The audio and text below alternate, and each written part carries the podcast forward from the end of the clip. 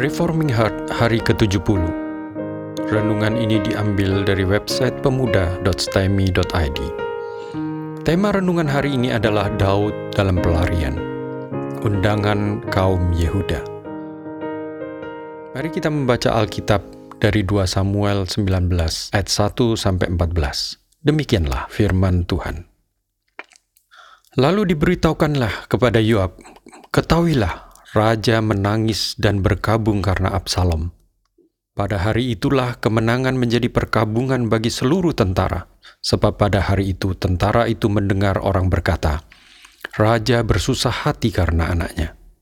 Sebab itu tentara itu masuk kota dengan diam-diam pada hari itu, seperti tentara yang kena malu karena dengan diam-diam mereka melarikan diri dari pertempuran. Raja menyelubungi mukanya, dan dengan suara nyaring merataplah raja, Anakku Absalom, Absalom, anakku, anakku. Lalu masuklah Yoab menghadap raja di kediamannya serta berkata, Pada hari ini engkau mempermalukan semua hambamu yang telah menyelamatkan nyawamu pada hari ini, dan nyawa anakmu laki-laki dan perempuan, dan nyawa istri-istrimu dan nyawa gundik-gundikmu dengan mencintai orang yang membenci kepadamu dan dengan membenci orang yang cinta kepadamu. Karena pada hari ini engkau menunjukkan bahwa panglima-panglima dan anak buahmu tidak berarti apa-apa bagimu. Bahkan aku mengerti pada hari ini bahwa seandainya Absalom masih hidup dan kami semua mati pada hari ini, maka hal itu kau pandang baik. Oleh sebab itu bangunlah dan pergilah keluar dan berbicaralah menenangkan hati orang-orangmu, sebab aku bersumpah demi Tuhan, apabila engkau tidak keluar, maka seorang pun tidak akan ada tinggal bersama-sama dengan engkau pada malam ini. Dan hal itu berarti celaka bagimu melebihi segala celaka yang telah kau alami sejak kecil sampai sekarang. Lalu bangunlah raja dan duduk di pintu gerbang. Maka diberitahukanlah kepada seluruh rakyat demikian. Ketahuilah, raja duduk di pintu gerbang. Kemudian datanglah seluruh rakyat itu menghadap raja. Adapun orang Israel sudah melarikan diri masing-masing ke kemahnya. Seluruh rakyat dan semua suku Israel berbantah-bantah katanya.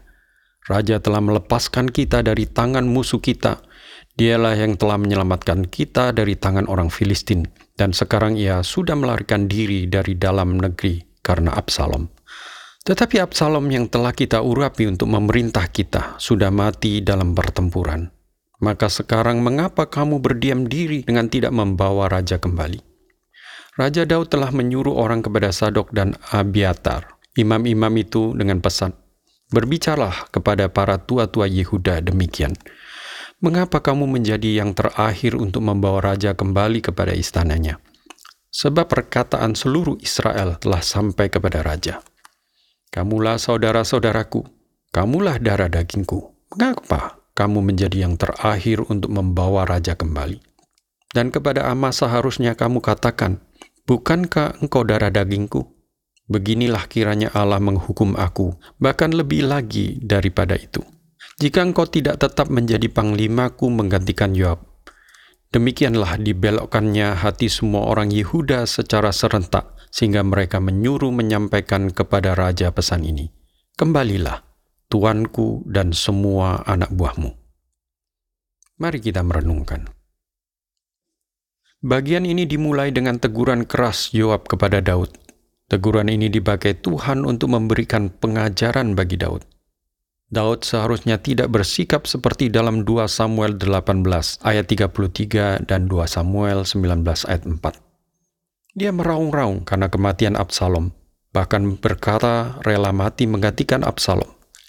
Ketika para tentara yang telah menyelamatkan nyawa Daud dengan mengalahkan Absalom datang, mereka bertingkah seperti kalah perang, masuk dengan tenang, tidak ada perayaan apa pun atas kemenangan ini. Inilah yang membuat hati Yoab gusar. Mengapa tidak ada perayaan? Sebab sang raja sedang menangisi anaknya. Anak yang sebenarnya adalah musuh terbesar Daud. Ini adalah tragedi keluarga Daud. Siapakah musuh yang pernah mengalahkan Daud dalam pertempuran? Tidak ada satupun. Siapakah musuh yang pernah mendesak dia hingga harus lari dari Yerusalem selama dia menjadi raja Israel? Hanya Absalom. Jika demikian, siapakah musuh yang paling berat bagi Daud? Anaknya sendiri, Absalom. Seluruh tentaranya mengorbankan jiwa raga mereka demi melindungi Daud dari musuh terbesar ini. Tetapi apa yang telah terjadi setelah mereka berhasil mengalahkan musuh ini? Daud menangisi musuh ini. Yoab dengan keras mengatakan bahwa celaka bagi Daud akan menjadi sangat besar jika dia tidak menyelamatkan para tentara. Jika tentara-tentara itu orang-orang yang paling setia melindungi Daud menjadi kecewa kepada Daud, maka Daud tidak lagi punya kekuatan untuk mempertahankan tahtanya sama sekali. Daud sangat tidak bijak dengan menangisi orang yang ingin membunuh dia dan mengabaikan orang yang rela mati demi dia. Suara Yoab sekali ini dipakai Tuhan untuk menegur Daud. Maka Daud bangkit dan duduk di pintu gerbang dan tenanglah seluruh pasukan itu. Narasi kitab ini beralih dengan membahas kebingungan di tengah-tengah Israel. Mereka telah menolak Daud dan memilih Absalom. Tetapi sekarang Absalom telah mati. Maka mereka kembali mengingat-ingat jasa Daud. Rakyat Israel benar-benar tidak tahu diri Daud yang begitu mengasihi mereka disingkirkan demi Absalom yang pintar merayu mereka. Hati untuk rakyat jauh lebih berharga daripada mulut untuk rakyat. Absalom memakai mulutnya untuk mengucapkan janji-janji yang menyenangkan hati dan memakai bibirnya untuk mencium rakyat Israel. Tetapi Daud memberikan hatinya untuk diisi oleh seluruh Israel. Mari kita melihat 2 Samuel 15 ayat 4 dan 5. Lagi kata Absalom, sekiranya aku diangkat menjadi hakim di negeri ini, maka setiap orang yang mempunyai perkara atau pertikaian hukum boleh datang kepadaku, dan aku akan menyelesaikan perkaranya dengan adil. Apabila seorang datang mendekat untuk sujud menyembah kepadanya, maka diulurkannya tangannya, dipegangnya orang itu, dan diciumnya. Memang benar bahwa Daud penuh dengan dosa, tetapi itu tidak berarti ketulusan hatinya untuk menggembalakan Israel menjadi hilang sama sekali. Ketika Absalom datang untuk memerangi dia di Yerusalem, bukankah Daud memilih untuk lari? Dia tidak mau mengorbankan kota terpenting di Israel untuk sebuah perang saudara. Daud adalah gembala Israel, tetapi rakyat telah memilih perayuh lebih daripada orang yang setia dengan segenap hati. Kematian Absalom sebenarnya dapat membangkitkan banyak oportunis-oportunis untuk mengambil alih tahta. Kita akan melihat dalam pembahasan berikut bahwa seorang bernama Seba memberontak kepada Daud. Tetapi ini sulit terjadi karena dalam ayat 9 dan 10 menyatakan bahwa hati orang-orang Israel condong kepada Daud. Mereka menyadari kesalahan mereka dengan memilih Absalom. Mereka sadar bahwa raja telah berjasa dengan membebaskan mereka dari musuh-musuh mereka. Tetapi anehnya dalam ayat 11 dikatakan bahwa raja mengutus orang untuk meminta Sadok dan Abiatar yang tinggal di Yerusalem untuk berbicara kepada orang-orang Yehuda untuk menerima kembali Raja Daud. Ini berarti suku Yehuda adalah yang paling terpengaruh oleh Absalom. Walaupun seluruh Israel telah menyadari kesalahan mereka dan meminta Daud pulang kaum Yehuda belum.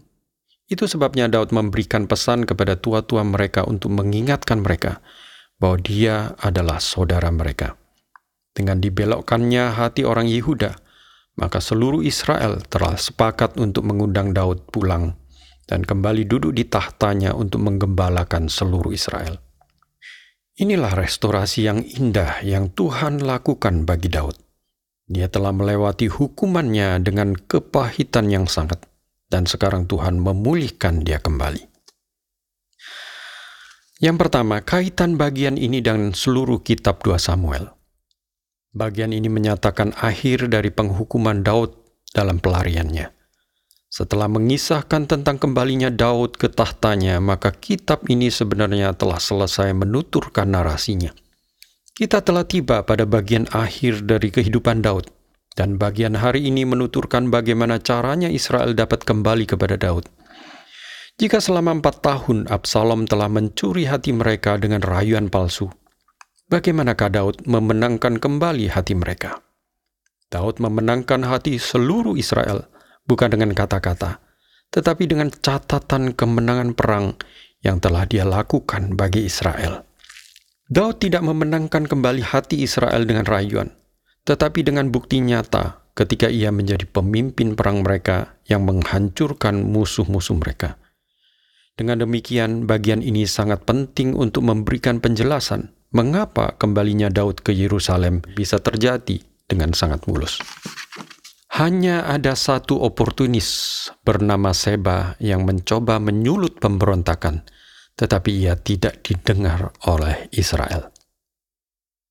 Yang kedua, apakah yang dapat kita pelajari?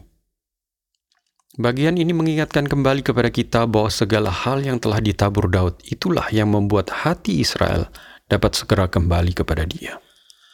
Absalom menarik hati mereka dengan bujuk rayu, sedangkan Daud membuktikan hatinya untuk mereka dan segala tindakannya telah dia lakukan sejak dahulu track record Daud yang membawa Israel kembali kepada dia. Biarlah ini menjadi pelajaran bagi kita. Biarlah pada setiap kesempatan yang Tuhan percayakan kepada kita untuk melayani dia, entah di gereja, di masyarakat, di keluarga, ataupun di tempat kerja, dapat kita jalankan dengan sungguh-sungguh. Kejujuran, ketulusan, integritas, tanggung jawab, usaha yang maksimal, akhirnya memenangkan hati orang-orang untuk mengakui bahwa kita sungguh-sungguh dipakai Tuhan. Tetapi segala hal yang harus ditabur dengan waktu yang lama, kita tidak bisa mengharapkan hasil instan seperti Absalom. Dengan polesan luar dapat memenangkan seluruh bangsa dalam empat tahun. Daud membuktikan dirinya puluhan tahun bahkan sejak dia masih dalam pelarian karena dikejar Saul. Setiap kesempatan boleh bekerja bagi Tuhan datang, mari kita ingat bahwa setiap apa yang kita kerjakan akan menjadi catatan tersendiri puluhan tahun ke depan. Pendeta Dr. Stephen Town dengan setia melayani pekabaran Injil ke daerah-daerah pedalaman selama puluhan tahun. Lalu apa hasilnya? Hasilnya adalah di awal abad 21, KKR regional dapat menjangkau jutaan siswa per tahun. Bagaimana caranya? Caranya adalah dengan memakai nama Stephen Tong. Bagaimana nama itu dapat dipercaya?